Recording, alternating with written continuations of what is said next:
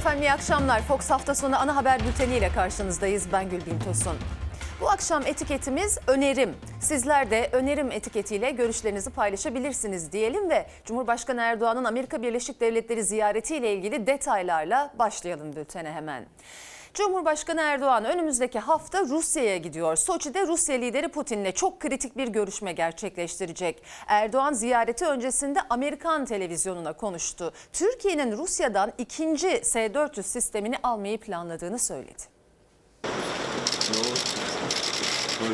So it sounds like you still intend to buy another round of these S-400, of these Russian missile systems. Ne demek? Tabii ki evet. Erdoğan Amerikan televizyonuna konuştu. Türkiye'nin Rusya'dan ikinci S-400 almayı planladığını söyledi. Ankara'ya S-400 dayatması yapan Biden yönetimine yanıt verdi. Ben Başkan Biden'a gerekenlerin hepsini söyledim. Sen risks. bana Are Patriot we going to keep on uh, expecting deliveries of weapons from uh, the countries that wouldn't give us those şey weapons? Or Cumhurbaşkanı Recep Tayyip Erdoğan önümüzdeki günlerde Rusya'ya gidiyor. Erdoğan Soçi'de Rusya lideri Putin'le bir araya gelecek. Kritik görüşmeye heyetler katılmayacak. İki liderin baş başa görüşeceği zirvede masadaki en önemli konu başlığı Suriye. Rejim maalesef burada bizim için ülkemizin güneyinde adeta bir tehdit oluşturuyor. Rusya'dan dayanışmamızın gereği olarak farklı yaklaşımlar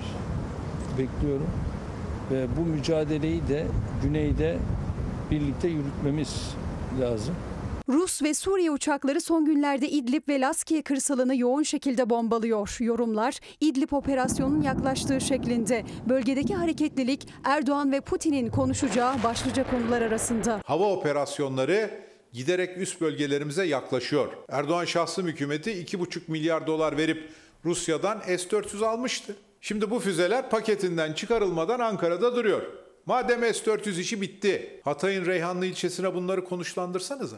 İdlib'deki askerlerimize hava koruması sağlasanıza.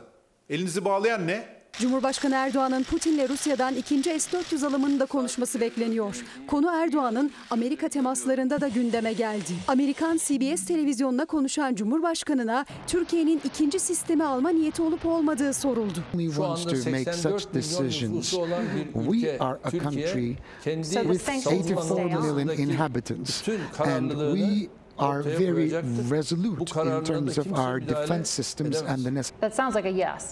Ne demek? Tabii ki evet. Teslim aldıklarımızı dahi aktive edememişken yeni S-400 sistemi almanın tek amacı 30 sene sonra yurdumuzda açılacak Rus savunma sistemleri müzesi olabilir. Cumhurbaşkanı Erdoğan'ın ikinci S-400 sözleri Rus basınında geniş yer buldu. Rus medyası Erdoğan ve Putin'in ikinci parti S-400 imzasını Soçi'de atacağını iddia etti.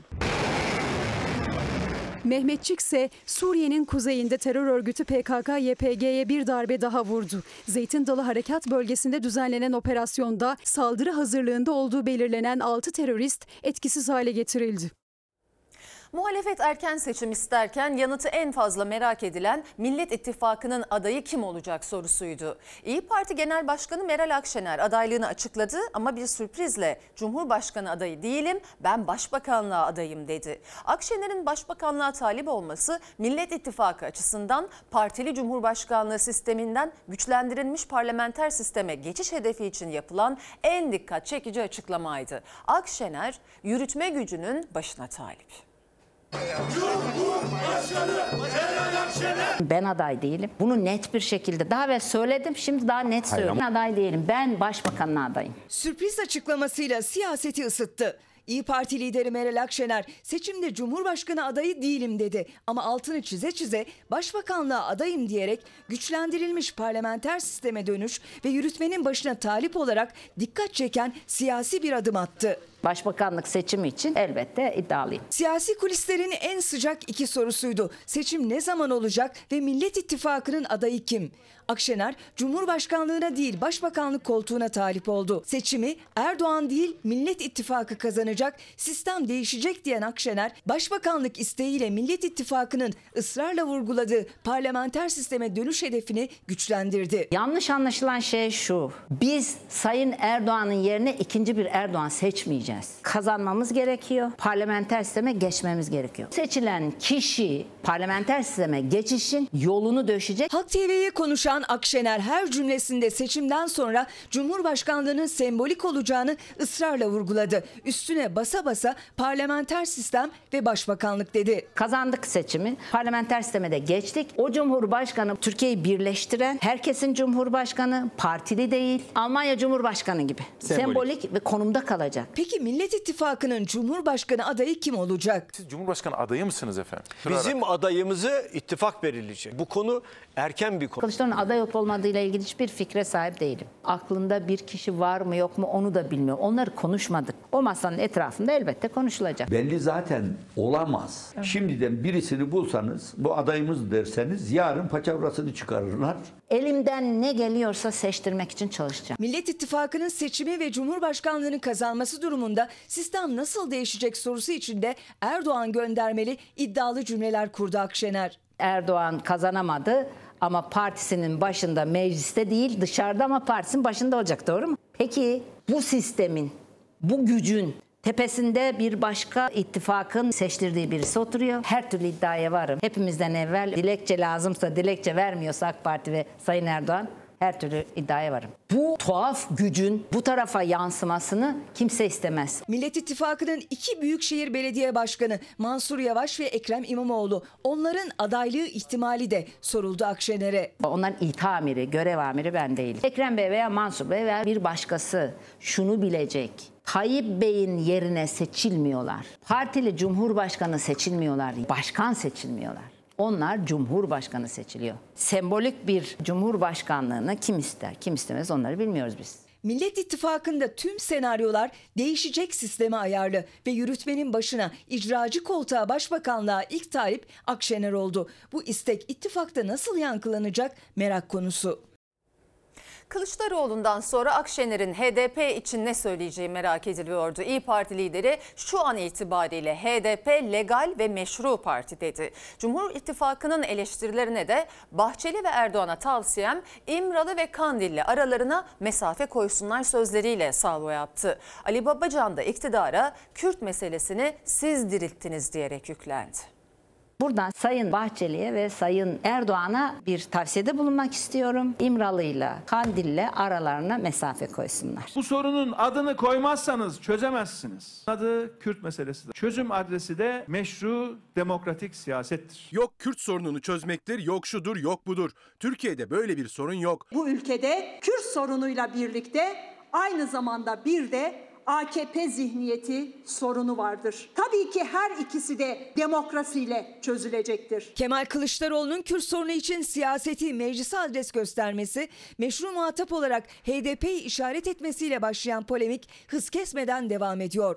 Akşener tartışmaya Cumhur İttifakı'na yaptığı İmralı göndermesiyle girdi. Babacan da Erdoğan'a yine Erdoğanlı yıllar içindeki farklı açıklamalarıyla yanıt verdi. Yıl 2005. Sayın Erdoğan Kürt sorunuyla ilgili ne söylemiş? Kürt sorunu da bu milletin bir parçasının değil, hepsinin sorunudur. Benim de sorunumdur. Sonra dönmüş dolaşmış 2015'te ne söylemiş? Bakıyorsun varsa yoksa Kürt sorunu. Kardeşim ne Kürt sorunu ya?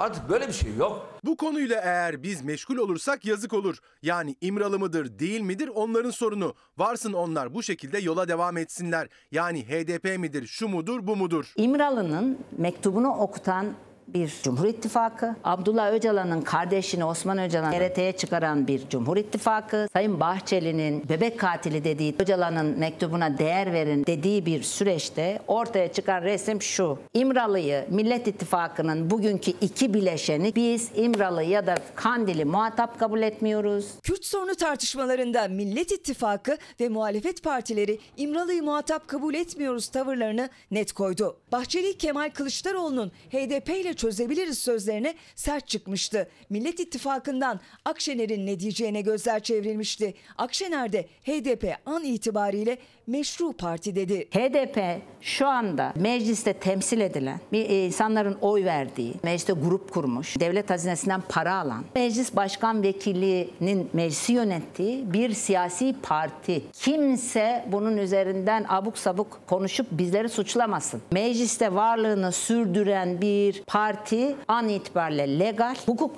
karşısında meşrudur. Kürt meselesi var mı yok mu diye papatya falı açmaya gerek yok. Bu iktidar Kürt meselesini diriltti, diriltti. Eğer bu ülkede çocukların oynadığı alanlarda panzerler geziyorsa bir mesele var ya burada. HDP Kürt sorunu başta olmak üzere bu ülkenin en temel sorunlarının temel çözüm gücüdür. HDP eş genel başkanı Pervin Buldan da muhatap tartışmasında ilk kez konuştu. Sezai Temelli'nin İmralı'yı adres göstermesinin aksine o HDP'yi işaret etti.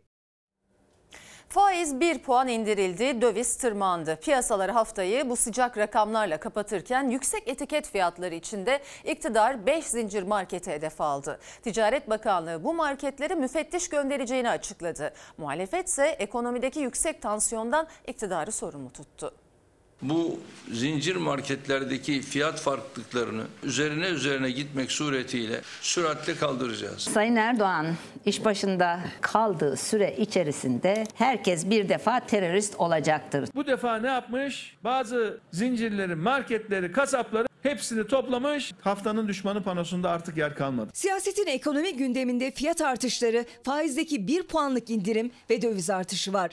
Raflardaki etiketlerdeki fiyat artışları için Erdoğan 5 zincir marketi hedef aldı. Ticaret Bakanlığı 5 market için müfettiş görevlendirdi. Bu 5 tane zincir marketin topladığı ürünle piyasalar alt üst oluyor. Dış güçler, iç güçler kandırıldık falan derken Bakıyoruz kendilerine hiç suç bulmuyorlar. Sizin hiç mi kabahatiniz yok ya? Siz ne iş yapıyorsunuz? Bugün zincir market sahipleri terörist olmuş oldu. Yarın kim olacak? Tüketici olacak. Bu kadar da çok tüketmeyin diye ilk e, terörist damgasını yiyebilirsiniz. Muhalefet suçu marketlerde değil kendinizde arayın diyerek iktidarın ekonomi politikasına yüklendi. AK Partili Şamil Tayyar'ın sosyal medya paylaşımındaki manidar ifadeler dikkat çekti. Tekerleştiniz. Üreticiyi tarlasında, çiftliğinde, işletmesinde kendinize mahkum ettiniz. Rantta zirve yaptınız. Yetmedi teşkilatlarımıza, bürokrasiye, kabineye sızdınız. Devam edin. Az bile yaptınız. Zincir marketlerin kağıda kaleme kadar satmasını sağlayan kim?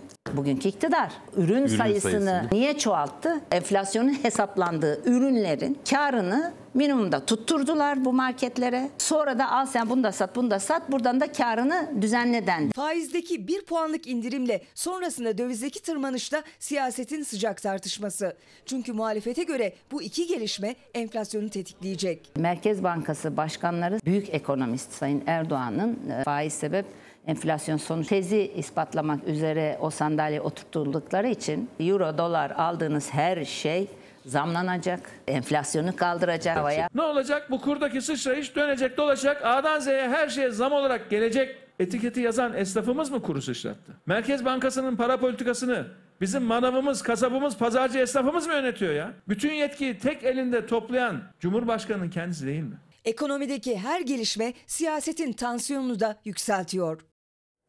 Efendim haberde verdik. AK Parti MKYK üyesi Şamil Tayyar'ın tweetini önemli. Sayın Tayyar teşkilatlarımıza bürokrasiye, kabineye, kabineye sızdınız diyorsunuz. O halde kim bu sızanlar? Onların isimlerini kamuoyuna açıklamanız icap eder. Efendim bir izleyicimiz demiş ki Bülent Bey, fahiş fiyatlarla mücadele başlatan Ticaret Bakanlığı'na önerim. Önce kocasının şirketinden fahiş fiyatla dezenfektan alan eski bakan Ruhsar Pekcan'a ne tür bir yaptırım uygulandığını açıklaması ülke mizah sorunu yaşıyor demiş. Ne oldu Ruhsar Pekcan'la o yaşanan o skandal unutuldu, unutturuldu gitti. Efendim siyasi partilerin liderleri sokakta esnaf ziyaretlerinde bulunuyor, vatandaşla konuşuyor. Bu kez iki kadın çıktı liderlerin karşısına. İkisinin de ortak endişeleri vardı. Biri dul maaşıyla iki çocuk okutmaya çalıştığını, diğeri geçinmek için 71 yaşından sonra iş aradığını anlattı. 71 yaşındayım. İş arıyorum, bulamıyorum ki çalışayım. Kendimi geçindirmek için. Can Bey. Kendimi geçindirmek için. 71 yaşından sonra geçinebilmek için iş aradığını Sivas'ta yakaladığı Gelecek Partisi lideri Ahmet Davutoğlu'na anlattı. Emekli parasıyla geçimini sağlayamadığını, yettiremediğini haykırdı. Eşim vefat etti. 2 lira maaşım var benim. Ya. Ya. 14 milyar diş parası ödeyeceğim. Bir. İkincisi bu yüzde 15 ışığa zam veriliyor. Bu emekli maaşına Niye yüzde dört, yüzde beş? Bizimle dalga mı geçiyorlar yani? Siyasiler sokakta. Gelecek Partisi Genel Başkanı Ahmet Davutoğlu Sivas'ta, Deva Partisi lideri Ali Babacan İstanbul Eyüp Sultan'da vatandaşla buluştu. Sokağın ortak konusu ekonomiydi. İki lideri de eşini kaybeden okuyan çocukları olan kadınlar durdurdu. Yaşadıklarını anlattı. Ben babasız büyütüyorum. Baba eşimi kaybettim. Çok Allah rahmet zor bu eylesin. halimiz ne olacak bizim? Çocuğunuz evde mi kalıyor, yurtta mı kalıyor? Evde kalıyor ama Evde. yurttakini Kıbrıs'a okutmak zorunda. Kıbrıs'taki mecbur yurtta kalıyor değil mi? Mecbur kalıyor. O da yurtta bulamadığımız için ev tuttum 1800 lira. Bir dul 1800 lira aylığı. kira ödüyorsun sen. Evet bir dul, dul aylığımla temizliğe gidiyorum. ıvır zıvır oluyor. Ne yapacağız böyle? Bir yağı 80 liraya alıyoruz. Daha önce gittiğimiz zaman 30 liraya alıyorduk. Şimdi ne olacağız, ne gideceğiz? İki çocuğunu bir maaşla okutmaya çalışan anne Babacan'a 71 yaşından sonra iş aramak zorunda kaldığını söyleyen anneanne ise Davutoğlu'na dert yandı. İkisi de ekonomik durumdan olduğu kadar çocuklarının geleceğinden de endişeliydi. Başkanım geçinemiyorum. Haklısınız. Çok, benim Asalet torunum, benim torunum psikolog, üniversite bitirdi. Evde oturuyor. İşi bulamıyor. İş bulamıyor. Ama bizim sonumuz ne oluyor? Nereye gidiyor bu gençler? Gençler zaten okusalar bile iş yok. İş, iş. Faiz indirimi kararıyla kazanan patron oldu. Çalışanlarsa kaybetti. Doların artışıyla gelirler eridiği gibi Türkiye ucuz iş gücünde Çin'i geride bıraktı. Çin'i yıllarca nasıl bilirsiniz? Çin'i yıllarca ucuz işçi çalıştırmakla biliyorduk. Ama şu anda bilmiyorum yani şu sokaktaki insanlara ben şunu sormak istiyorum. Çinliler mi acaba? Asgari ücretli çalışan inşaat işçisi Lütfullah Özçelik'in açlık sınırının da altında olan maaşı onu geçindirmeye yetmiyor. Çünkü dolar yükseldikçe Türkiye'deki asgari ücretli hızla fakirleşiyor.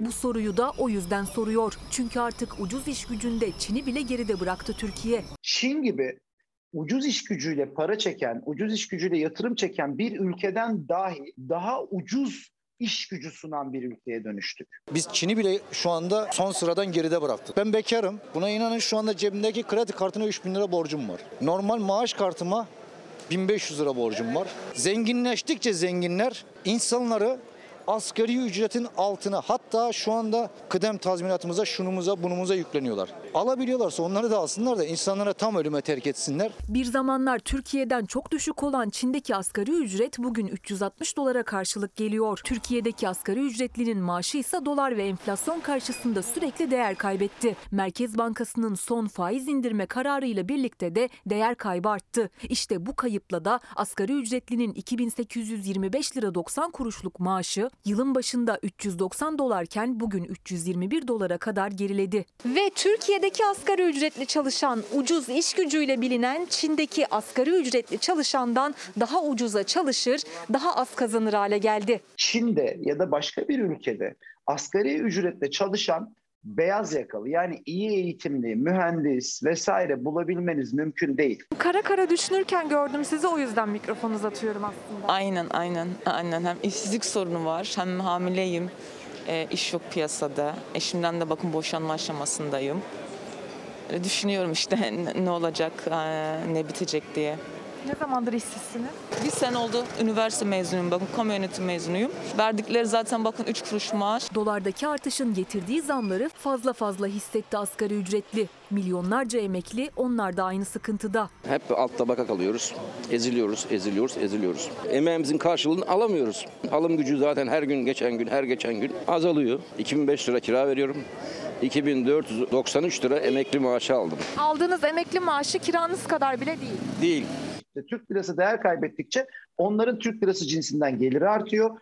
ihracat satışları artıyor. Dolayısıyla daha çok kazanıyorlar. Eskiden 1000 dolarlık bir mal sattığından o 1000 dolardan 7000 lira gelir elde edip 2825 lira maaş ödüyordu. Şimdi o 1000 dolardan 8800 lira gelir elde edip yine 2825 lira ücret ödüyor. Ben kazandım işçiyle paylaşayım demiyor ki ihracatçı. Maaşlara da zam yapayım demiyor. Faiz kararıyla patron kazandı, doların artışıyla da çalışan kaybetti. Türkiye'yi nasıl bilirsiniz? Türkiye önceden cennetti. Eski halimizi arıyor, arar olduk.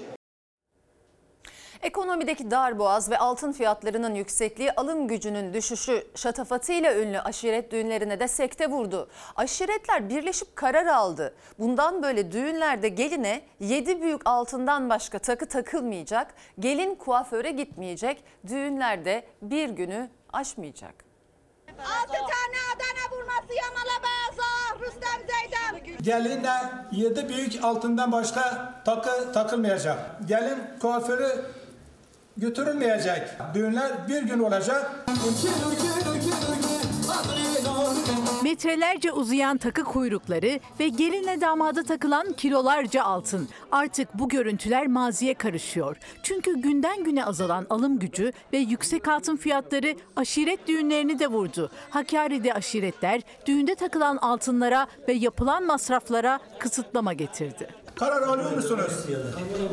Kabul edenler Ardı arkası kesilmeyen zamlar, ödenmeyen borçlar ve bir türlü yakasını bir araya getiremeyen kalabalıklar. Sokakta, pazarda, tarlada haykırışlar benzer. Esnafı da, çiftçisi de, sıradan vatandaşı da ekonomik anlamda zorda. Adana vurması yerken Necmi Zeydan.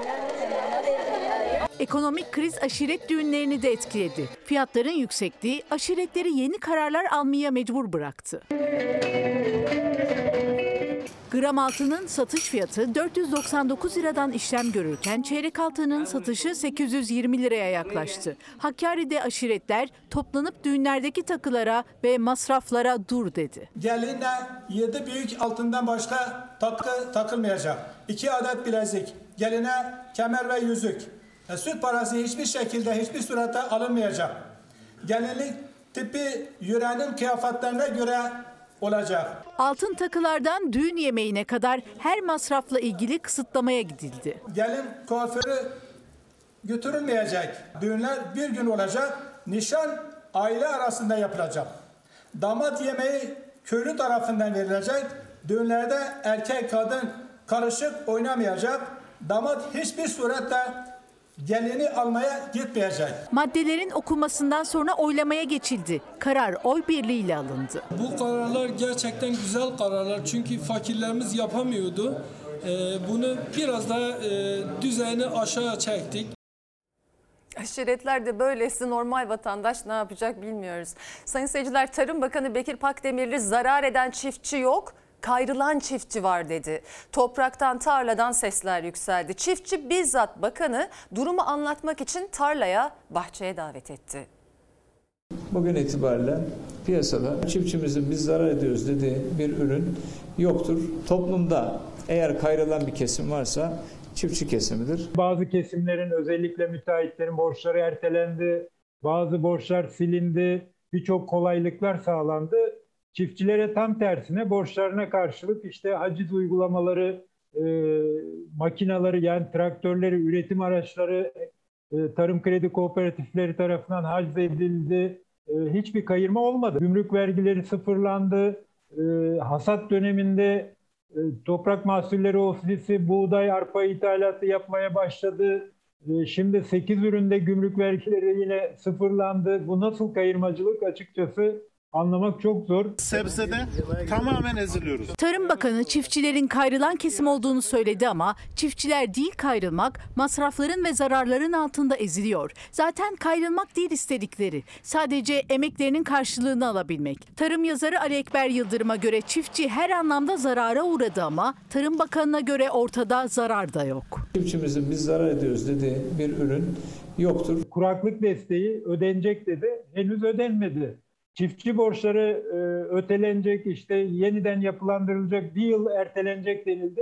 Bunlar da yapılmadı. Yani böyle e, bir kayırmacılık e, açıkçası ben sahada göremiyorum. Bakan zarar yok dedi. Tarlasını Tarım ve Orman Bakanlığı ile Hazine ve Maliye Bakanlığı'na bağlı Tarsim'e sigortalatan da zararının karşılığını alamadı. Sivaslı çiftçinin zararı sıfır gösterildi. Tarım İlçe Müdürlüğümüzün %40, %50 hasar verdiği yerde maalesef Tarsim %0 vermiştir. Sol tarafında bulunan tarla Esentepe. Sağ tarafında bulunan tarla ise Hürriyet Mahallesi geçiyor. Şimdi meteorolojik verilerle dikkate alındığına göre şimdi buraya az yağdı da buraya mesela çok mu yağdı? 3 metre mesafe çapında sadece 207 dönüm olana yağıyor. 16 bin dekar olan kısımda e, yağış oluyor. 3 metrede bu kadar soğuğun, yağışın farklı etkileri olduğu tespit edilmiş. Bunu da gerçekten Tarsim'in mühendislerinin bizlere izah etmesini gerektiğini düşünüyorum. Çiftçi maliyeti geçti zararının peşinde. Bir de hasat sonrası ekim zamanı geliyor ama ondan önce gübreye gelen zamlarla çiftçiyi kara kara düşündürüyor. Tarım Bakanlığı'nın verilerini söylüyorum sadece. Ağustos ayında gübre fiyatlarında %142 ile %109 arasında bir fiyat artışı var. Çiftçinin derdi alın teri. Kayrılmak değil emeğinin karşılığını istiyor. Tarımsal destekler mesela 2021 ürünü destekleri biz e, 25 Eylül'e geldik. Henüz bu destekler açıklanmadı. Bırakın ödenmesi açıklanmadı. 25 Eylül'deyiz. Ocak ayının süt primleri hala ödenmedi.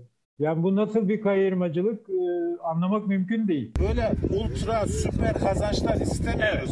Emeğimizin karşılığı 113 tonun karpuzun tarlada kaldı. Ya Allah şükürler olsun. Bugün itibariyle piyasada çiftçimizin biz zarar ediyoruz dediği bir ürün yoktur. Sayın Bakanım burası domatesli. Domatesten para kazanamadık. Buyursunlar gelsinler burada da durumu izah edebilirim. Mersin'den, Amasya'dan, topraklarından çağrı yaptı çiftçi. Zarar yok diyen Tarım Bakanı'nı bahçelerine, tarlalarına davet ettiler. Kendisini Amasya'ya davet ediyorum. Gelsin burada yerinde inceleme yapalım. Yerinde satış yapalım. Toplayalım. Kendisi izlesin. Biz toplayalım, satalım. Ee, kim kazanıyor, kim kaybediyor o zaman görelim.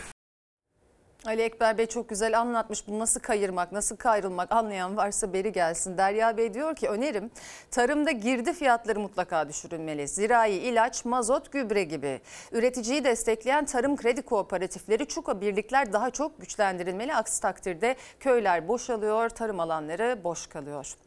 Devam edelim. Eski Ankara Büyükşehir Belediye Başkanı Melih Gökçek FETÖ'ye rant sağlama suçlamalarından savcıya ifade verdi. Gökçek hakkında suçlamaların dosyası Mansur Yavaş göreve geldikten sonra açıldı. Bir buçuk yıl sonra da savcı Gökçek'i ifadeye çağırdı. Gökçek suç uydurulmuş dedi. Eski ve yeni başkanlar FETÖ ve imar rantı suçlamaları üzerinden yeni bir yargı savaşına tutuştu. Ankara Büyükşehir Belediyesi'nin değişik şahısların özellikle FETÖ hakkında suç duyuruları var benimle ilgili. Kaç tane diyeceksiniz? Vallahi sayısını ben de bilmiyorum. Epey vardı yani. 8-10 tane var. Terör örgütlerinin finans sağladığı iddia edilen ve Gökçek dönemindeki imar artışlarının hepsini ortaya çıkarıyoruz. Teftiş Kurulu Sayın Gökçek'le ilgili birçok suç unsuruna rastlandığı ifade edildi. Konu savcılığa intikal ettirildi. Ankara Büyükşehir Belediyesi'nin eski başkan Melih Gökçek hakkındaki terör örgütüne finans sağlama ve haksız rant suçlamalarıyla yargıya başvurusunda savcılık bir buçuk yıl sonra harekete geçti. Gökçek ifadeye çağrıldı. Bütün mesele olayları 17-25 aralığın öncesine götürebilir miyiz, götüremez miyiz? Bir yıl suç uydurmuşlar. Yalan, iftira. Onların hepsine cevap verdik. Delillerimi de koydum. Seçimlerde oy isterken bu yapıya Ankara'yı parsel parsel satmıştır. Ellerinde imkan olsa beni bir kaşık suda boğarlar FETÖ'cüler. Eskiden imar konularında yapılan şeyleri de anlatayım mı? FETÖ'cülükten yargılanması gereken birisi varsa o da Mansur Yavaş'tır. Melih Gökçek hakkında suç duyurusunda bulunan Mansur Yavaş'ı suçladı ama FETÖ'ye rant iddiasını ilk ortaya atan AK Partili isimlerdi. Önce Arınç'tan sonra Mamak Belediye Başkanı Murat Köse'den geldi Gökçek dönemine ilişkin imalar. Yavaş'ın ekibi de harekete geçti. Tüm partilerin desteğiyle belediye geçmişi mercek altına alındı ve 150 dosya hazırlanıp savcılığa sunuldu. Mesela ben FETÖ'cülerden birisine rant vermişsem o rantı hemen düzeltmesi lazım öyle değil mi? E böyle bir şey de yok. Benim parsel vermeme numarasını, adap haftasını söylememe gerek yok. Zaten ortada herkes de biliyor. Pursaklarda bir arazi imara açılamaz denen bir arazi. FETÖ'cülerin olduğu operatifleri bu da bu köylü garibanınki değildi. Şuraya mesela iki kat yapacaksan buraya altı kat yapacaksın. Burada bazı şeyler kapalı kalabilir. Üzeri örtülebilir. Biz hesap gününe inanan insanlarız. Türkiye'de özellikle FETÖ'cülükle suçlanacak olan son iki kişiden birisiyim. Birincisi Sayın Cumhurbaşkanım, ikincisi ben. Çok manidar. Onu buradan görevden alan, görevini tamamlattırmayan zaten Sayın Cumhurbaşkanımızdır. Gökçek savcılığa verdiği ifadenin ardından kendini savundu. Mansur Yavaş hakkında suç duyurusunda bulunacağım dedi. Belediyenin CHP'li üyesi de res çekti. Biz o suç duyurusunun ivedilikle yapmasını talep ediyoruz. Kaçak genel sekreter, genel müdürler, firarda olan daire başkanları, rant zengin olan iş adamlarıyla ilgili son 11-12 yıllık HTS kayıtları incelendiği zaman yargının da çok fazla uğraşacağını zannetmiyorum. Aşılama oranı düştü. Oysa aşı dozlarının tamamlamak önemli toplumsal bağışıklık için. Uzmanlar özellikle Ekim ayında yüz yüze eğitime başlayacak 18 yaş üstü üniversite öğrencilerine seslendi. Antikor kazanabilmeleri için bu hafta aşı olmaları için kritik hafta. Aşı olmayanlarsa pişmanlıklarını yoğun bakım servislerinden paylaştı yine. Çok kötü bir şey yoğun bakım. Aşınız olun lütfen. Gerçekten çok zor yaşadıklarım. Sizlere Covid pozitif 10. günümden sesleniyorum. Çok şükür bu videoyu evimden çekebiliyorum. Yoğun bakımda oksijen desteği alarak sizlere sesleniyor da olabilirdim. Olabilirdi ama tam doz aşısının olduğu için evinde, güvende. Aşı olmayanlarsa yoğun bakım servisindeki yataklarından güçlükle paylaştılar pişmanlıklarını. Ama kimsenin onların çektiklerini çekmemesi için uyardılar. Uzmanlar da uyarıyor aylardır. Çünkü aşılama oranı artması gerekirken aksine düşüyor. Elimizdeki en güçlü silah olan aşının istenilen bir düzeye bir miktar daha artış günlük aşı sayılarında artış şeklinde yansıması gerekiyor. Evet yani aşı olan insanlarımız var ama bunun bir miktar daha artması gerekiyor ki toplumsal bağışıklık yüzdesine bir an önce ulaşalım. 14-20 Haziran haftasında günde ortalama 1.1 milyon doz aşı yapılırken 14-20 Eylül haftasında bu sayı ortalama 454 bine düştü. %59'luk bir azalma demek. Aşılama grubunda olan ve çift doz aşı ya da PCR negatif test zorunluluğuyla yüz yüze eğitime dahil olacak üniversite öğrencileri ise hala aşı yaptırmamış görünüyor. Ankara Şehir Hastanesi Acil Servis Sorumlusu Hakan Öztürk, Ekim'de başlayacak üniversiteler için kritik hafta bu hafta dedi. Özellikle bu hafta içerisindeki yüksek öğrenim kurumlarında bu şekilde öğrenim görecek olan kişilerin ikinci doz aşılarını bitirmeleri gerekiyor ki Ekim ayında okula başladıkları zaman hastalama riski sıfıra yakın bir şekilde onların yüz eğitimini engellemeyecek bir şekilde katkı sağlasın. Bu hafta kritik bir hafta. 24 Eylül itibariyle birinci doz aşı olanların oranı %65, dozlarını tamamlayıp tam bağışıklık kazananların oranı ise %52,8. İşte bu oran toplumsal bağışıklık hedefi için önemli ve hedeften hala çok uzak. Tek doz aşı yeterli değil. Eksik doz aşı yaptıran kişilerin aşı yaptırmamış olanlara karşı çok da fazla avantajı olmadığını söyleyebiliriz. Yeni mutasyonlara da yol açabilecek bir süreç bu virüs aramızda dolaştıkça devam edecektir. Aşısızlık yeni mutasyonları getirirken aşı tereddütü hala devam ediyor ve pişmanlıklar da yoğun bakım servislerinde yaşanıyor. Kocaeli'de 28 haftalık hamileyken delta varyantına yakalanan 29 yaşındaki Merve Pala günlerce yoğun bakımda hayat mücadelesi verdi. Erken doğum yapmak zorunda kaldı. 29 haftalık doğum yaptım. Bebeğim şu an küvezde. Dediğim gibi ben aşı olmamıştım. Şu anki aklım olsa kesinlikle aşı olurdum. Belki de bu durumda olmazdım. Eşim aşı oldu. O çok hafif atlattı mesela. Ankara'da evli ve bir çocuk annesi Şükran Yücel de keşke diyenlerden. Konuşurken kelimelerine yetmiyordu nefesi. Ama kimsenin bu duruma düşmemesi için ses verdi yoğun bakım servisinden. Aşı biraz karşıttım biraz. Duyduğum şeylerden etkileniyordum. Böyle bir emin olama duygusu vardı, olamama duygusu. Olsunlar aşılarını ya. Hiç değilse böyle korkuyla yaşamak. Ben çünkü çok kötü şekilde yaşadım. Türkiye koronavirüsle mücadelede riskli aylara giriyor. Halk sağlığı uzmanlarına göre salgında kritik eşik olan Ekim ve Kasım aylarında vaka ve vefat sayılarının kontrol altına alınması gerekiyor. Gözler okullarda ancak oradan gelen haberler de iç açıcı değil. Öğrenci Veli Derneği her hafta karantina verilerini açıklamayı sürdürüyor. Yeni eğitim ve öğretim döneminin 3. haftasını geride bırakırken 40 bin öğrenci virüs nedeniyle okula devam edemedi ve 1630 sınıf karantinaya alındı. Vaka sayısı özellikle geçtiğimiz hafta daha önceki vaka sayılarına göre artış gösterdi. Bunun önümüzdeki iki hafta içerisinde zaten yüksek olan ölümlerde yeni bir artışa yol açması muhtemel görünüyor. Çünkü salgında kritik olan aylara girilecek ama son 24 saatte de kayıp sayısı yüksek. 221 kişi daha koronavirüs yüzünden yaşamını yitirdi. 27.197 yeni vaka var. Uzmanlara göre Türkiye'nin zaten ağır olan koronavirüs tablosu karşısında okullardan da gelen veriler pek iç açıcı değil. Yüz yüze eğitimin 3. haftasında sadece 26 ilden gelen bilgilere göre en az 40 bin öğrencinin okula devam edemediği 1630 sınıfın karantinaya alındığı tespit edildi. Alınmayan önlemler nedeniyle en az 40 bin öğrenci yüz yüze eğitime devam edememektedir. Okulların açılışından bugüne kadar en az 1630 sınıfın karantinaya alındığını tespit etmiş bulunuyoruz. Yüz yüze eğitimi devam ettirmekte kararlıyız. Velilerimiz, tüm aileler, tüm vatandaşlarımız el birliği yapıp inşallah bu süreci başarılı bir şekilde devam ettireceğiz. Ve başka çıkış yolumuz yok. Onun için ben okulların açık kalması milli güvenlik meselesidir dedim.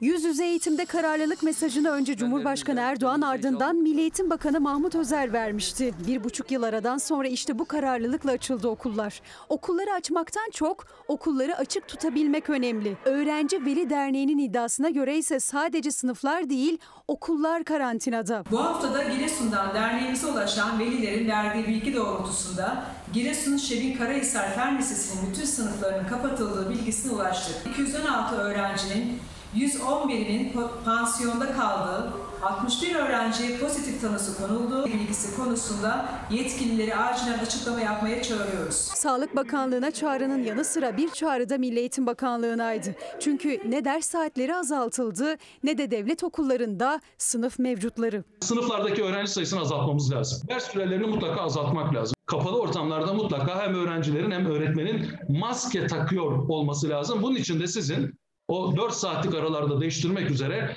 öğrencilere ve öğretmenlere ücretsiz maske sağlamanız lazım. Çok mutluyuz. Çok güzel bir dönem geçireceğiz birlikte. Yüz yüze eğitimi devam ettirmekte kararlıyız. Bu harika bir haber ama hala alınan ya da alınacağı açıklanan önlem yok. Kayıhan Pala'nın dediği gibi neden öğrencilere, öğretmenlere ücretsiz maske için çalışma yok? Havalandırma deseniz hala çok büyük bir sorun sınıflarda. O konuda da herhangi bir çalışma yok. Daha fazla öğretmenle ki hala çok sayıda atanmayan öğretmen var. Vardiyalı eğitimi neden düşünmüyoruz? Ve tabii ders süreleri çok uzun. Bu da en önemli noktalardan biri. Neden kısaltıp teneffüs sürelerini artırmıyoruz mesela? Son olarak da belediyelerin elinde atıl olan kullanılmayan binalarda neden sınıflar oluşturulmuyor? Önümüz kış, sorunumuz büyük ama çözüm için çareler var. Daha fazla geç kalınmadan adım atılması şart efendim. Sayın seyirciler, Marmara Üniversitesi'nin yurdunda kalan 170'e yakın öğrenci okullarının açılmasına bir hafta kala yıllardır kaldıkları yurttan atıldıklarını öğrendiler. Bir anda kendilerini sokakta bulan öğrenciler şimdi kalacak yer arıyor. Ancak büyük bir kısmı bu kadar kısa sürede kalacak yer bulamadığı için eğitimini dondurmak zorunda kalacak. Benim odam 6 kişilikti normalde. En, iki kişi mezun olmuştu. Dört kız kalmıştık. Şu an sadece biri odada. Biz üç kişi e, yurttan çıkarıldık. Ve şu an yurtsuz da kaldım. Ne yapacağım? Yıllardır kaldıkları yurttan hiçbir neden gösterilmeden atıldılar. Atıldıklarını da okulların açılmasına sadece bir hafta kala öğrendiler. Marmara Üniversitesi'nde okuyan 170'e yakın kız öğrenci yurt mağduru. Ben dahil 170 tane kız arkadaşım bu durumdan mağdur olduk. Biz ne yapacağımızı bilmiyoruz. Aramızda engelli arkadaşımız da var. Neden çıkarıldığını bilmiyorum. Benim önceliğim yok mu diye sorguluyor. Herkes ağlıyor, herkes yıkılmış bir şekilde. Daha önce hiç kayıt yenilemesi istenmeyen Marmara Üniversitesi'nin kız yurdunda kalan öğrencilerden iddiaya göre bu yıl gerçekleşen rektör değişikliği sonrasında kayıt yenilemeleri talep edildi. Ama kayda olan öğrencilere tam aksi söylendi. Biraz endişelendik öğrenciler olarak. E, yurttaki görevlilerle iletişime geçtiğimizde bize yurdumuzdan söylenen siz kayıtlı öğrencisiniz, sizin yeriniz burada hazır, burada devam edeceksiniz. Daha düne kadar bu başvuru formlarının sadece öylesine yapıldığı, bizim tekrardan orada kalabileceğimiz bize söyleniyordu. Biz de buna güvenerek ne başka bir yurda başvuru yaptık ne de KYK'ya. Dün sonuçlar açıklandı. Büyük bir şok yaşadı öğrenciler. 170'e yakın kız öğrencinin ismi yurt listesinden çıkarılmıştı. Yurdumuzu aradığımızda e, bize evet iptal edildi kaydınız dendi. Yurttan neden çıkarıldınız? Bir neden söylediler mi? Hayır hiçbir şekilde bir neden yok. Yani yurdumuzdan e, şu söylendi. Yeni rektör atamalarından sonra birçok kural değişti. Daha önce kayıtlarının devam edeceği söylendiği için kalacak bir yer aramayan öğrenciler şimdi okullarının açılmasına bir hafta kala yersiz yurtsuz kaldı. Çünkü onların yerine başka öğrenciler yurda alındı. Öğrenciler mağduriyetlerinin bir an önce çözülmesini istiyorlar. Eğer bu yurt sorunu halledilmezse biz ortada kalmış oluyoruz ve gidebilecek herhangi bir yerimiz, kalabilecek bir evimiz yok. Zaten özel yurt ya da eve çıkabilecek maddi durumumuz da yok. Çoğu arkadaşım ve ben de dahil eğitimimi dondurmak zorunda kalacağım. Birkaç tane apartla görüştüm dün. Hepsi dolu. İstanbul gibi bir yerden bahsediyoruz. Kiralar şu an 5 bin 6 bin lira kiralar var baktığımızda. Yurtlar zaten doldu. Biz şu an çok ağır bir şekilde mağdur olduk. Ve bu mağduriyetimiz nasıl giderilecek bilmiyoruz. Kimse ulaşamıyoruz, kimse bir şey söylemiyor. Selman Demirhindi 11. sınıf öğrencisi. Derslerinde başarılı, okulunu, arkadaşlarını da çok seviyor ama okula gidemiyor. Nedeni ise fiziksel engeli değil, servis engeli. Ankara'da iki belediye bir öğrenciyi taşıyacak rampalı servis bulamadı. Yavaş, yavaş. Tam bir servis verirler inşallah. İnşallah be inşallah. Ha okulu bitirecek bana bakacak. Söz veriyor mi? Bir okuyalım da yeter ki sen iste. Hayata sıkı sıkı tutunan, ailesinin ondan beklentilerini karşılamak için çalışan lise 3 sınıf öğrencisi Selman Demir'indi. Ve tüm yaşıtları okula giderken o evde gelecek hayallerini de okulunun değil evinin bahçesinden anlattı. Birçok meslek tercihim var. Hani polislik. İkinci sırada yapabileceğime inanıyorum. Yarı sağlıkçı, fizyoterapistlik. Peki dersler nasıldı? Dersler iyi. 10. sınıf ortalamam 82,5. O başarmak için bütün zorlukların üstesinden geliyor ama iki belediye rampalı servis sorununu bir türlü çözemedi. Selman onu okula götürecek bir araç bulamadığı için 3 haftadır derslere giremedi. Arkadaşlarım da arayıp soruyor sürekli ne zaman geleceksin. Onlara bir aynı cevap vermekten sıkıldım yani. Hepsi burnuna tutuyor şu anda yani. Hani çoğu merak da ediyor. Doğuştan fiziksel engelli Selman Demirindi'nin okula gitme mücadelesi Pursaklar Belediyesi'ne bağlı Saray Mahallesi'nden Çubuk'taki köylerine taşınmak zorunda kalmasıyla başladı. Pursaklar Belediyesi 2 yıl boyunca Selman'ı rampalı servise okula götürüp getirdi ama yaklaşık 5 kilometre uzağa Çubuk'a taşınınca ailenin iddiasına göre bizim sınırımızdan çıktınız, servis hizmeti artık veremeyiz denildi. Çubuk Belediyesi, Pursaklar Belediyesi, Kaymakamlık her tarafa başvurduk. Yani kimse elini taşın altına koymadı. Herkes topu birbirine attı. Kendisinin gitme imkanı ya da sizin götürme imkanınız? Böyle bir imkanım yok. Olsa keşke zaten bu kadar uğraşmazdım. 3 haftadır çocuk okula şu an gidiyor olurdu. Ben liseye kadar kendim götürüyordum. 8 yaşında kızım trafik kazası geçirdiği için Selman'la ilgilenemiyorum. Selman'ın 8 yaşındaki kız kardeşi de trafik kazası geçirdi. Beynine ağır hasar aldı. Tedavisi sürüyor ve ailece köylerine dönmek zorunda kaldılar. Babası torunum, bu da onun oğlu. E, ondan sonra babasının durumu kirayı veremediler. Buraya geldiler geri. 5 kilometrelik adres değişikliği sadece ikametgahlarının bağlı olduğu belediyeyi değil hayatlarını da değiştirdi. Çubuğa taşındı bizim Pursaklar bize servis vermiyor. Ego'yla da gitmek istesem bazılarında rampa yok. Arabayla hani birine rica ettim aldı geldi. Bu sefer de akülü arabası orada kalacak. Yani her türlü sıkıntı. Müdür de birkaç hafta müsaade etti. Servis olmadığı için devamsızlıktan kalmak bayağı bir koyar bana. Hocalar diyor en son çare seni açığa alacağız. Da istemiyorum ben çok sosyal bir çocuğum. Zaman daralıyor. Öğretmenleri devamsızlıktan kalmaması için açık liseye geçmesini önerdi ama Selman tüm yaşıtları gibi okula gitmek, yüz yüze ders görmek, arkadaşlarıyla vakit geçirmek istiyor. Sadece ben okuyamıyorsam benim kaderimdendir bu diyeceğim. O zaman susacağım. Ama sesini duyuramayan o kadar çok anne, o kadar çok çocuk vardır ki. E madem biz Türkiye'nin geleceğiyiz beni mecbur okula almak zorundalar yani. Bu haber elbette vicdanları çok yaralayan bir haber. Hakikaten iki ayrı belediye onca imkana rağmen okumak isteyen pırıl pırıl bir genç belediyeye fazla mı geldi anlamak zor. Şimdi haber olunca nasıl açıklamalar duyacağız belediyelerden merakla bekliyorum. Ve efendim Bizleri gururlandıran bir haber. Ankara büromuzdan parlamento muhabirimiz Kemal Aktaş, gazetecilik mesleğinin köklü ve saygın derneklerinden biri olan Parlamento Muhabirleri Derneği Başkanlığı'na seçildi. Üç adaylı yarışın sonunda ipi göğüsleyen arkadaşımızı tebrik ediyor, başarılar diliyoruz. Birlikte, beraberlikte meslek onurunu koruma, geliştirme ve bunun için omuz omuza mücadelenin mesajını veriyor. Basın meslek örgütleri arasında köklü bir geçmişe sahip Milli İradenin nabzının attığı Türkiye Büyük Millet Meclisi'nde örgütlü Parlamento Muhabirleri Derneği 33. Genel Kurulu'nu yaptı. Parlamento muhabirlerinin oy kullandığı seçimler sonucunda Fox Haber Ankara Bürosu'nun parlamento muhabiri Kemal Aktaş derneğin başkanlığına seçildi. Sayın Başkan çalışmalarınıza başarılar diliyorum. Üç adayın yarıştığı ve çok çekişmeli geçen seçimlerde Kemal Aktaş ipi göğüsleyen isim oldu. Hayırlı olsun, uğurlu olsun.